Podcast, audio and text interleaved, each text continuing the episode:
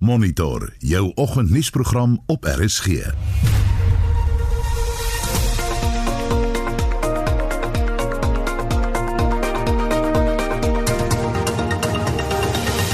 En volgens se program AgriSA vra die regering om dieseltekorte dringend te ondersoek. Die vinnige verspreiding van die COVID-19 virus in die Oos-Kaap plaas die provinsie se gesondheidswerkers onder baie druk. Dit blyk dat verskeie sportsoorte dalk te vroeg teruggekeer het na die sportveld. Leon van Nierop het op 'n spannende aksiereeks afgekom en Willem Botha praat oor die woorde glimlag, suurknol en sheriff. Baie welkom by Monitor die span Wes Pretoria. Lewona Bekes en ek is Anita Visser.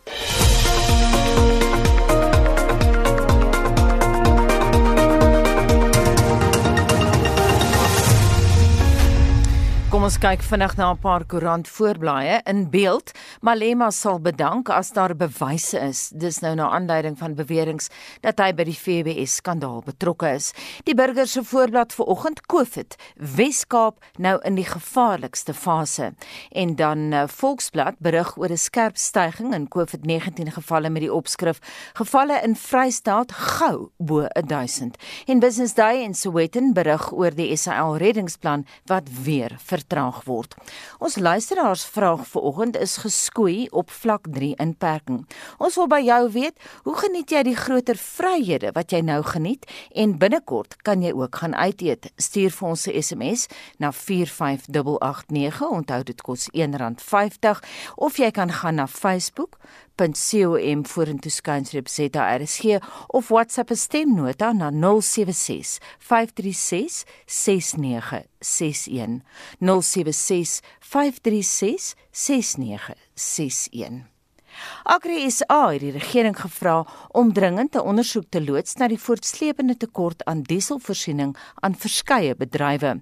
Boere wat tans gewasse soos mielies, sitrus en sitrusoes word veral baie ernstig benadeel weens die verhoging in koste en beperkte beskikbaarheid van diesel in sekere provinsies. Ons praat nou hieroor met die adjunk uitvoerende direkteur van Agri SA, Christo van der Rede. Goeiemôre Christo. Goeiemôre en goeiemôre aan al die luisteraars. Christo, ons het nou verwys in die inleiding na verskeie provinsies waar daar 'n tekort is. Waar lê die grootste probleem?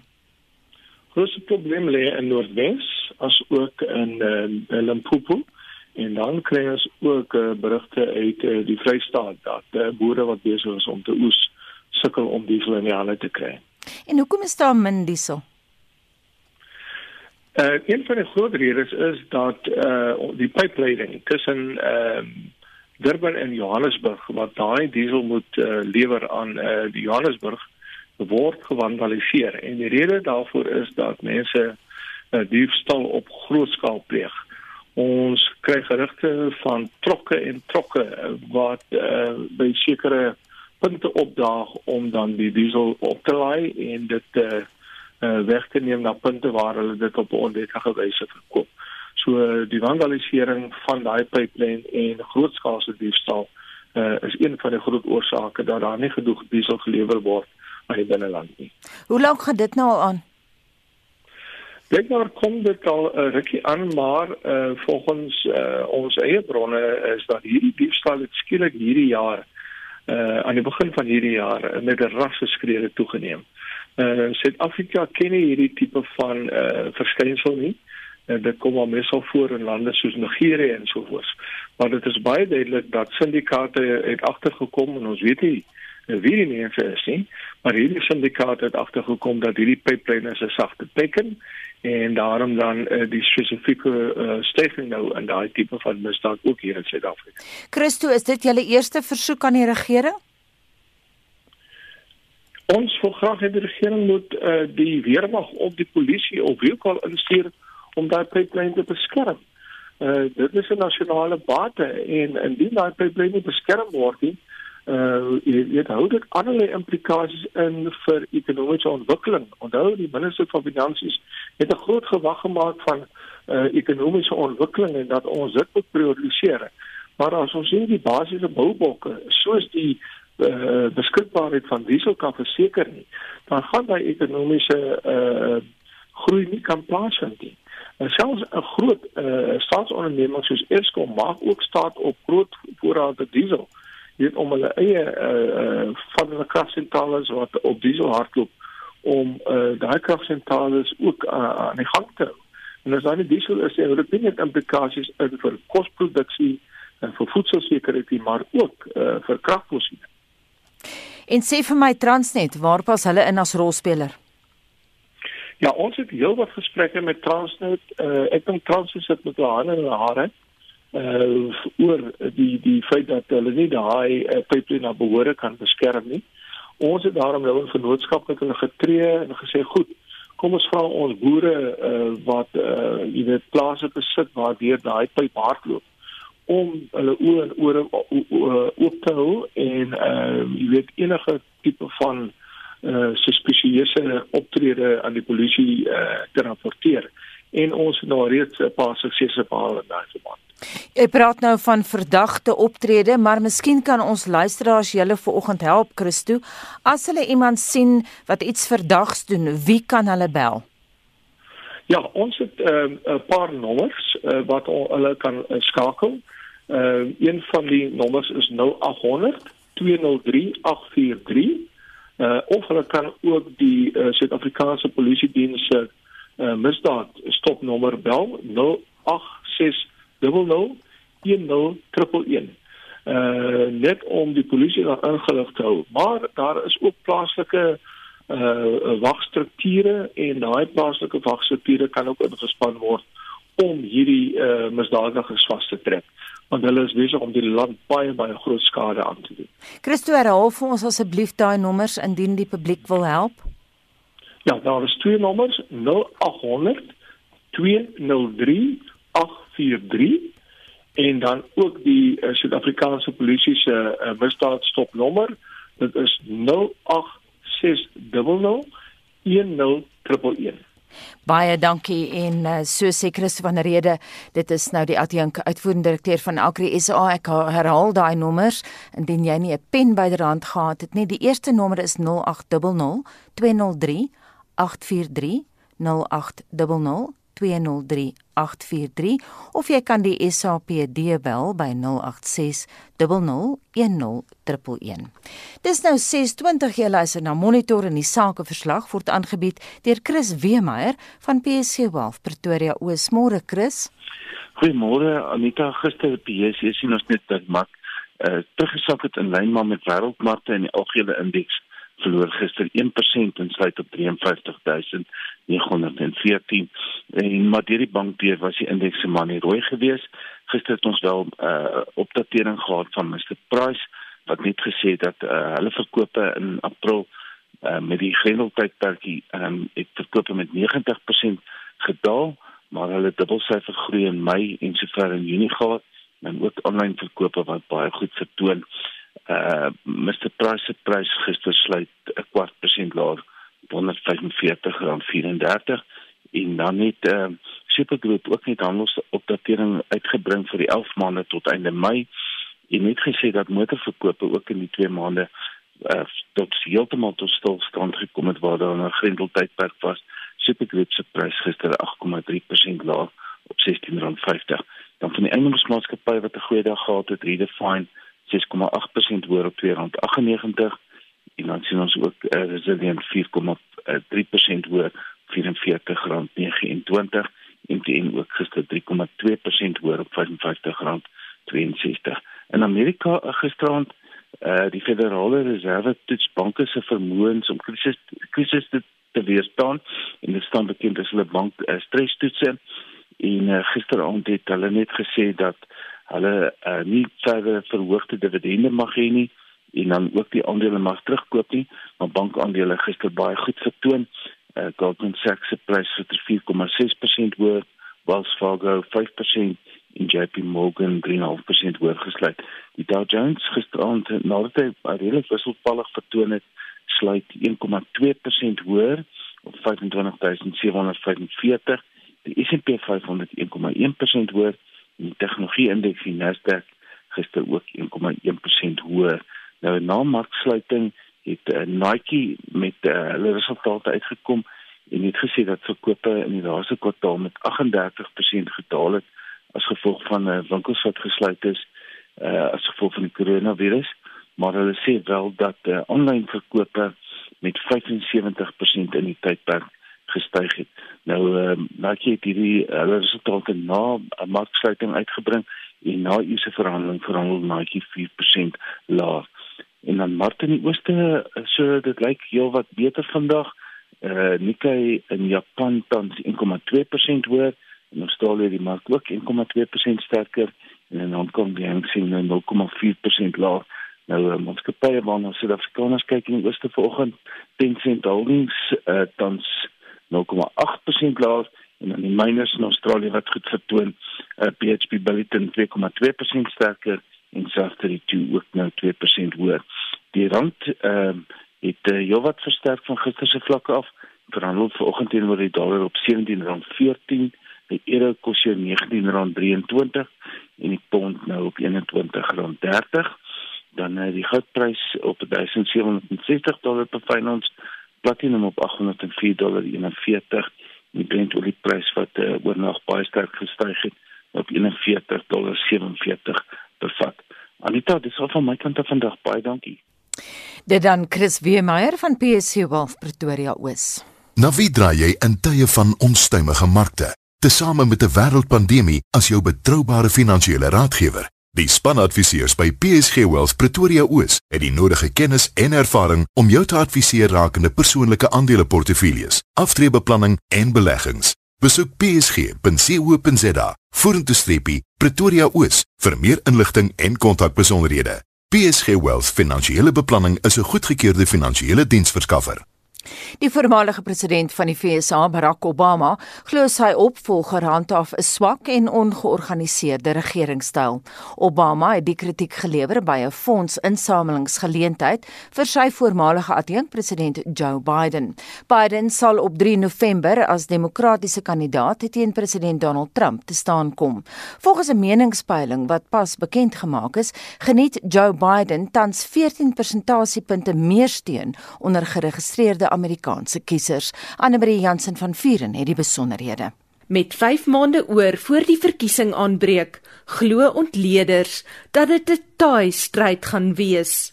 Obama het onlangs by 'n fondsinsamelingsgeleentheid opgetree waar daar 11 miljoen dollar vir Biden se veldtog ingesamel is.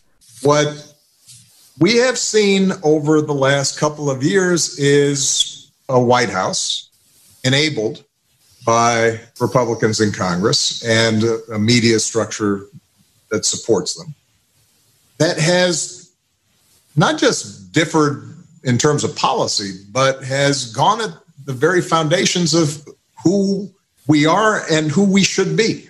That suggests facts don't matter, science doesn't matter, that suggests that a deadly disease is fake news, that sees uh, the Justice Department as simply an extension and an arm of the personal concerns of the president that actively promotes division and considers some people in this country more real as Americans than others.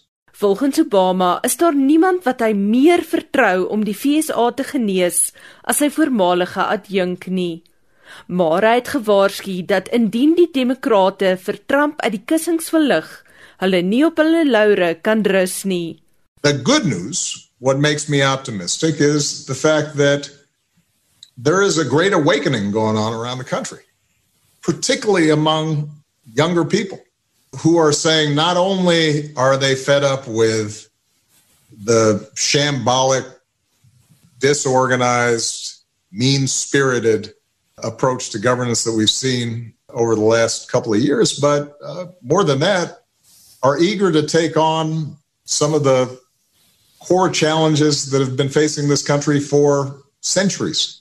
In 'n onlangse meningspeiling van die New York Times en Siena College geniet Biden meer as 50% van die steun onder kiesers. Volgens die peiling het Trump slegs 36% van die steun. Ontleeders sê Trump se hantering van die koronavirus het hom baie steun gekos. Buiten vir die 120 000 Amerikaners wat daaraan dood is, het dit ook die land se ekonomie skade berokken. Intussen is Trump skerp veroordeel oor sy hantering van die rassebetogings. Volgens Obama is dit nou Biden se kans om die Withuis uit die hande van die Republikeine te neem. Ask yourself, ask them, do you want your kids to grow up in the circumstance we're facing right now? Do you want your kids to grow up to have the same value set that Donald Trump has? Now, this isn't Republican or Democrat anymore. It's beyond that, in my view. It's well beyond that. You know, this is bigger than just whether or not Donald Trump stays in office. This is about we have an obligation as a, as my part is an obligation to reach beyond just the Democratic Party. This is about the whole country. Die verslag van Shawn Bryce Peace in New York en ek is Anne Marie Jansen van Vuren vir SAK nuus. Jy luister na Monitor elke weekoggend tussen 6 en 8. 632 die jongste nuusgebeure byna 1800 COVID-19 uh, COVID-19 gevalle word in die mynbedryf aangemeld. Die SAIK het goeie nuus vir sokker geesdriftiges en ons praat met 'n politieke ontleder oor die stryd tussen Djibouti en Kenia om 'n setel op die VN Veiligheidsraad bly ingeskakel.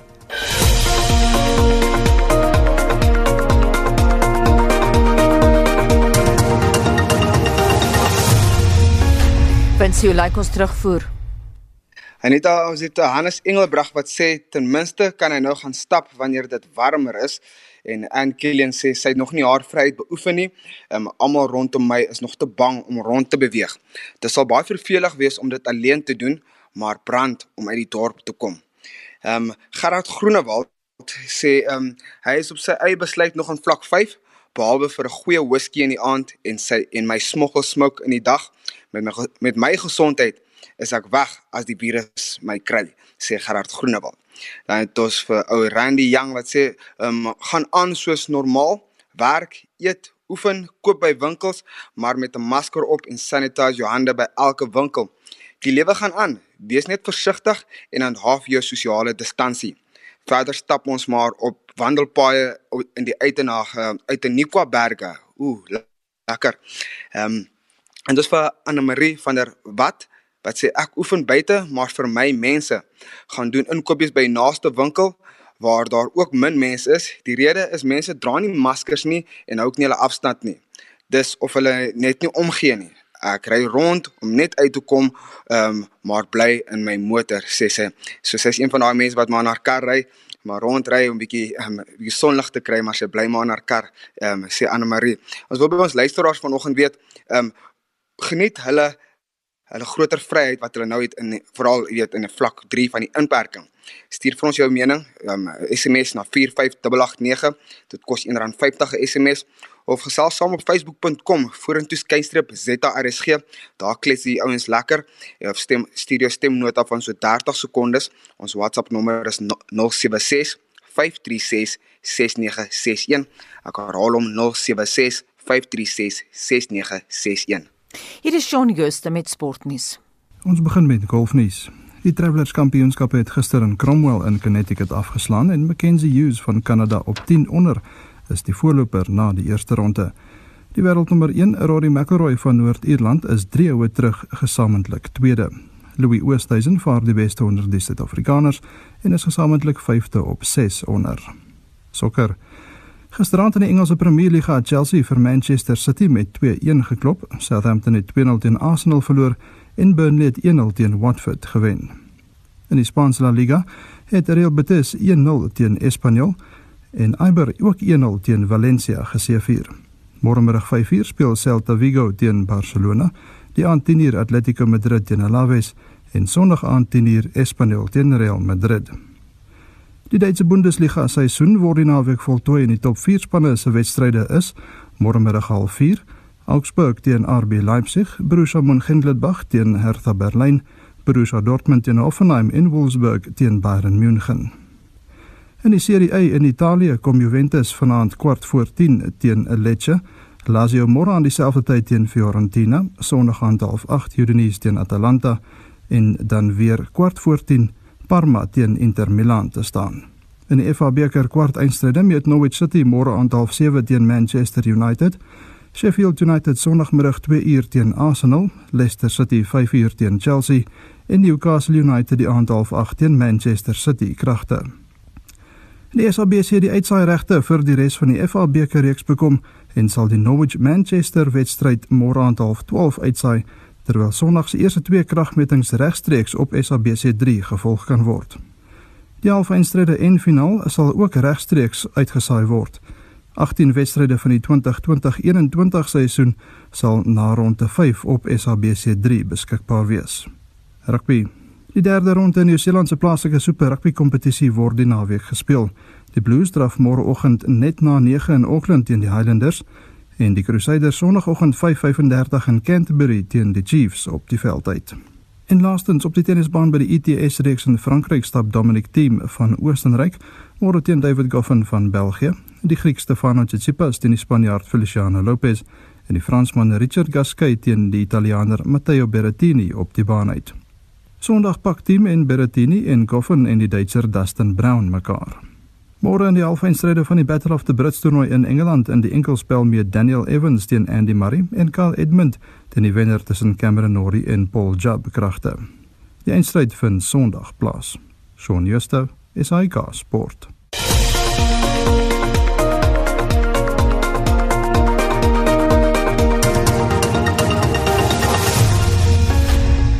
Djibouti is die afgelope tyd in die nuus weens die onaangename tweestryd met Kenia oor 'n roterende setel op die VN Veiligheidsraad. In die twis waaroor daar twee keer in die VN Algemene Vergadering gestem is, het Kenia uiteindelik geseëvier, maar nie sonder dat Djibouti sy stem behoorlik dik gemaak het nie. Die klein land in die horing van Afrika glo sy strategiese ligging gee hom die reg tot groter invloed op die internasionale verhoog. Monitor het professor Abel Esterhuise van die fakulteit Universiteit Krygskunde aan die Universiteit Stellenbosch gevra hoeveel lande weermagbasisse in Djibouti het. Die eerste is Frankryk wat 'n militêre basis het sedert onafhanklikwording in 77. Hulle het nog nooit die land verlaat nie. Dan is daar die Amerikaners wat 'n groot basis in Djibouti het.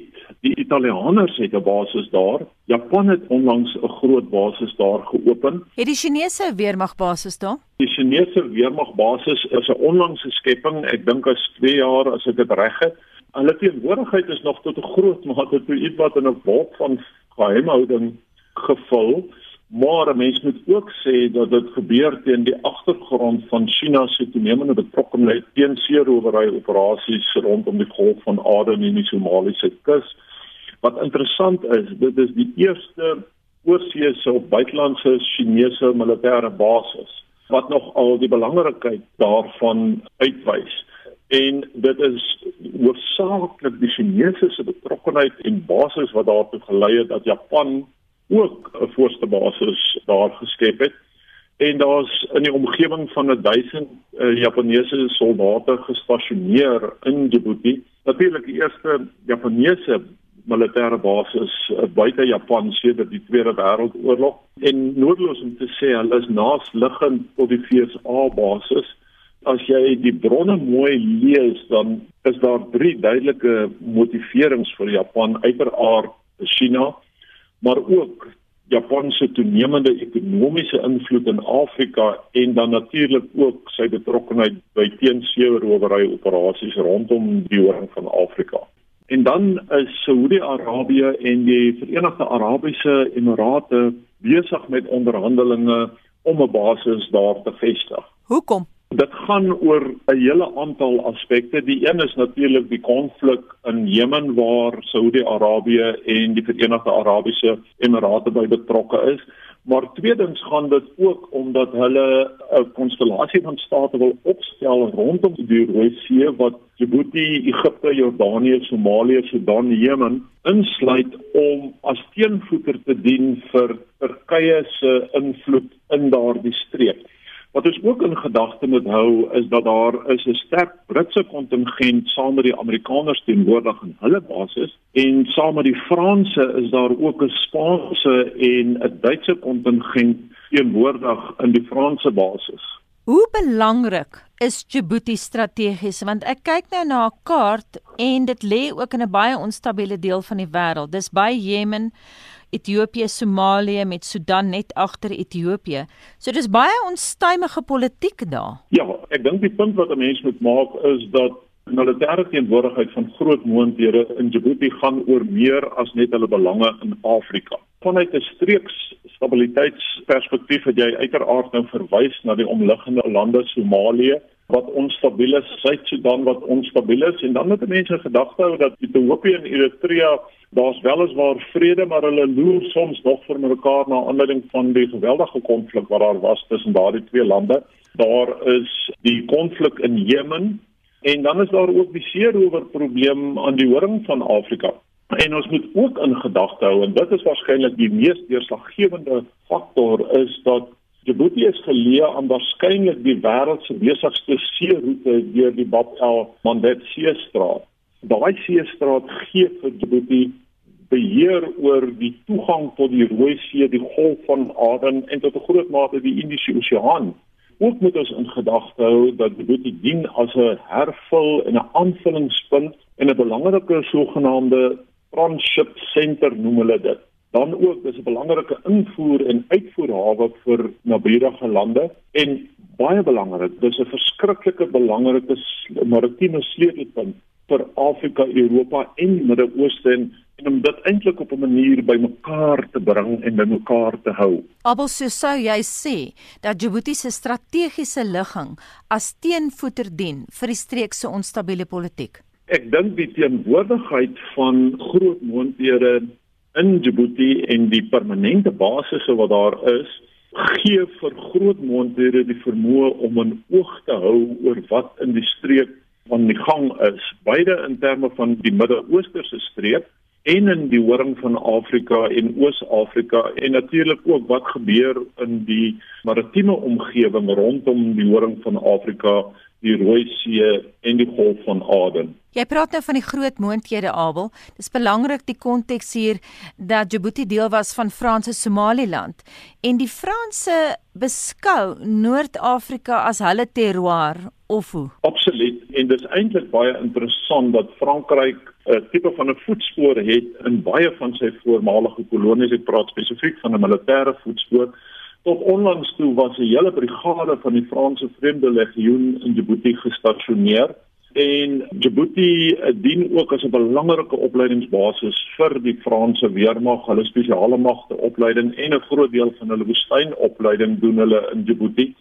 En Djibouti se lughawe dien nog steeds vir die Franse lugmag as 'n belangrike aansluitingspunt en 'n ligknooppunt as ek dit so kan stel. Abel, hoe belangrik is hierdie weermagbasisse vir Djibouti se ekonomie? Baie belangrik. Die Amerikaners betaal jaarliks in die omgewing van 63 miljoen dollar, die Franse en Japan in die omgewing van 30 miljoen dollar en die Chinese in die omgewing van 20 miljoen dollar om hulle basisse in Djibouti te hê. En as jy dit nou in die geheel sien, tel dit op na so 5-6% van Djibouti se bruto binnelandse produk en dit is nog al 'n omvattende deel van Djibouti se ekonomie. Net laasens Abel, dink jy Djibouti is reg om 'n belangrike rol op die wêreldverhoog te speel soos wat hy graag wil doen?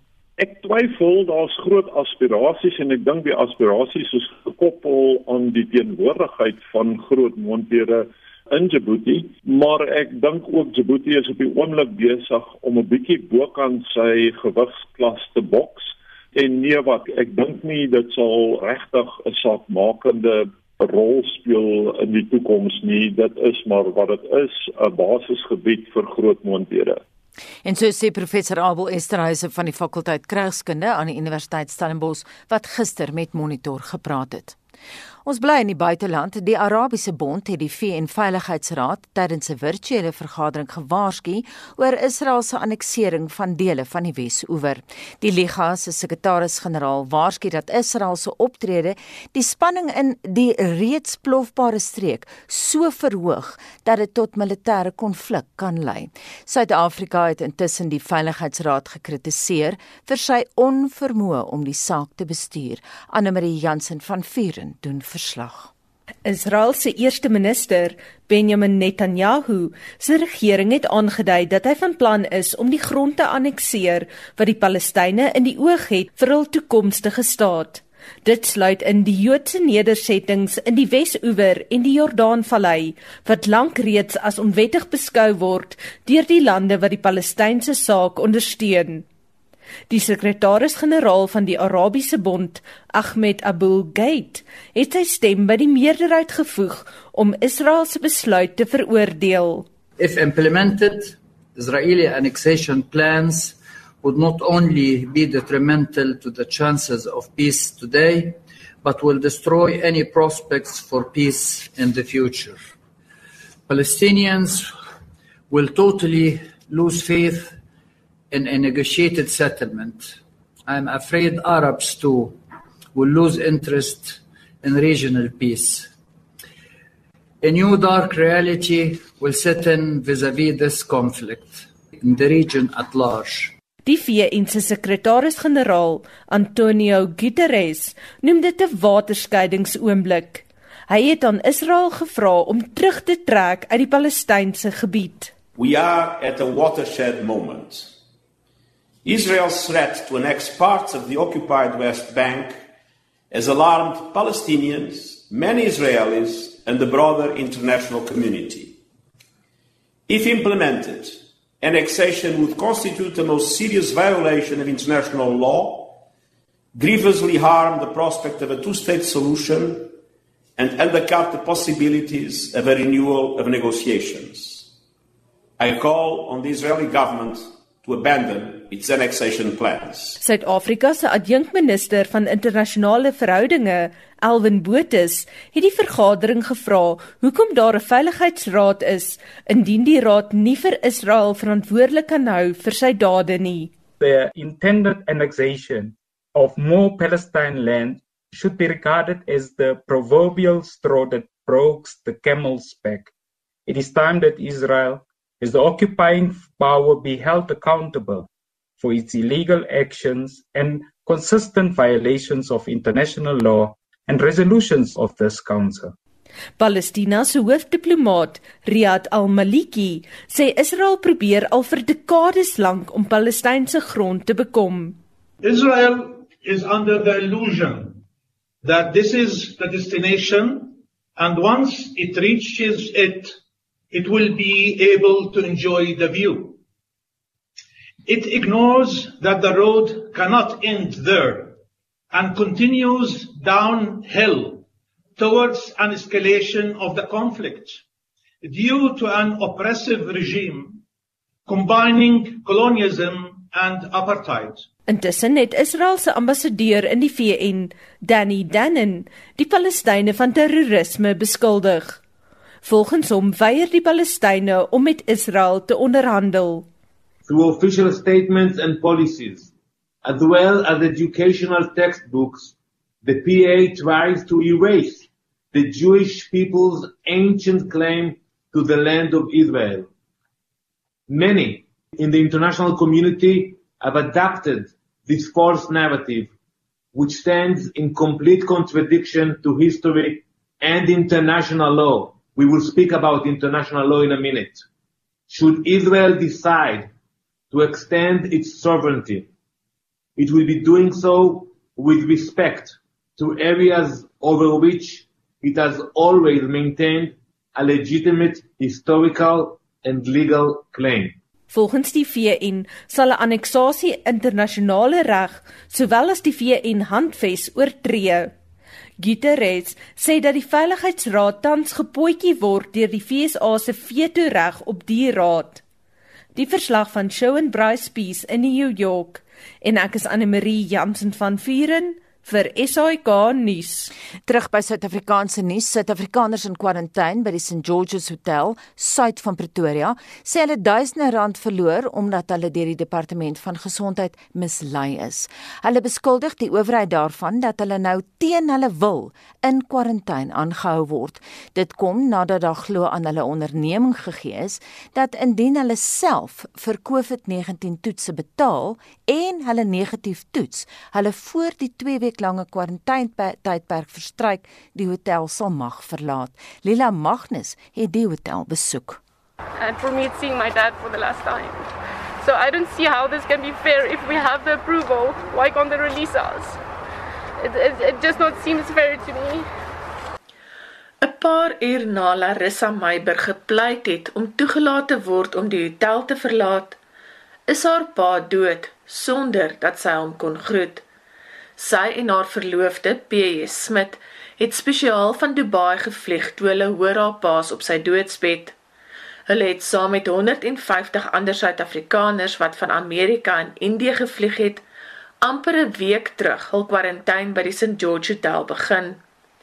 Almal het privaat vir COVID-19 toetse betaal nadat die verteenwoordigers van die departement van gesondheid by die hotel gesê het indien hul uitslaa negatief is, hulle vroeër by die hotel sal kan loop.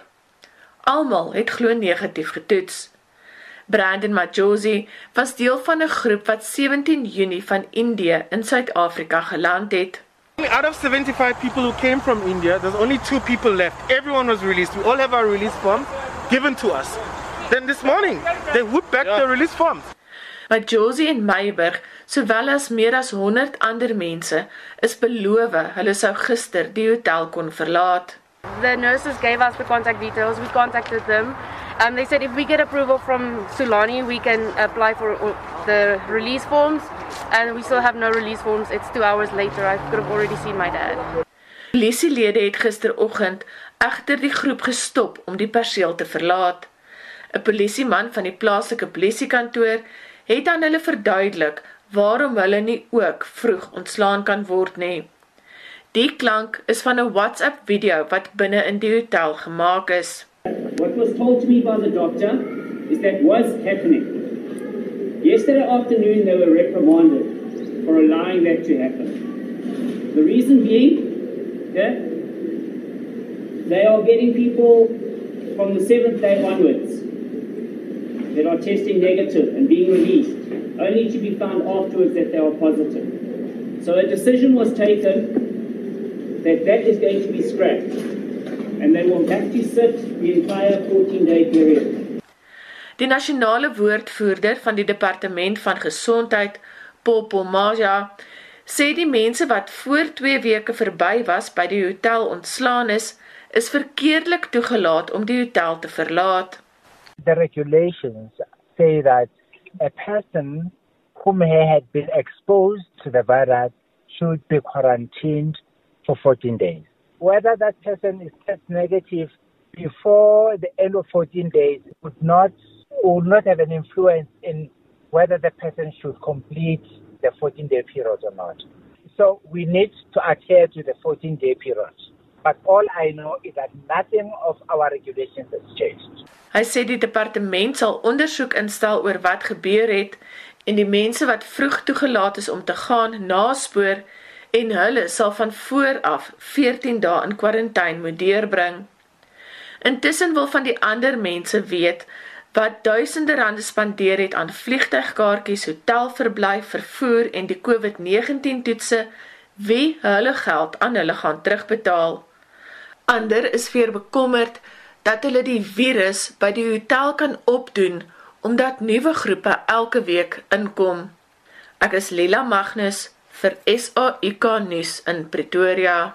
Dis nou 657 in 'n tegniese aankondiging. Die departement van samewerkende regering en tradisionele sake het oornag regulasies vir restaurante, teaters, fliekteaters en kasinos in die staatskoerant gepubliseer. Kleuterskole hoor eers volgende maand wanneer hulle hulle deure kan oopmaak, waarskynlik die 6de Julie.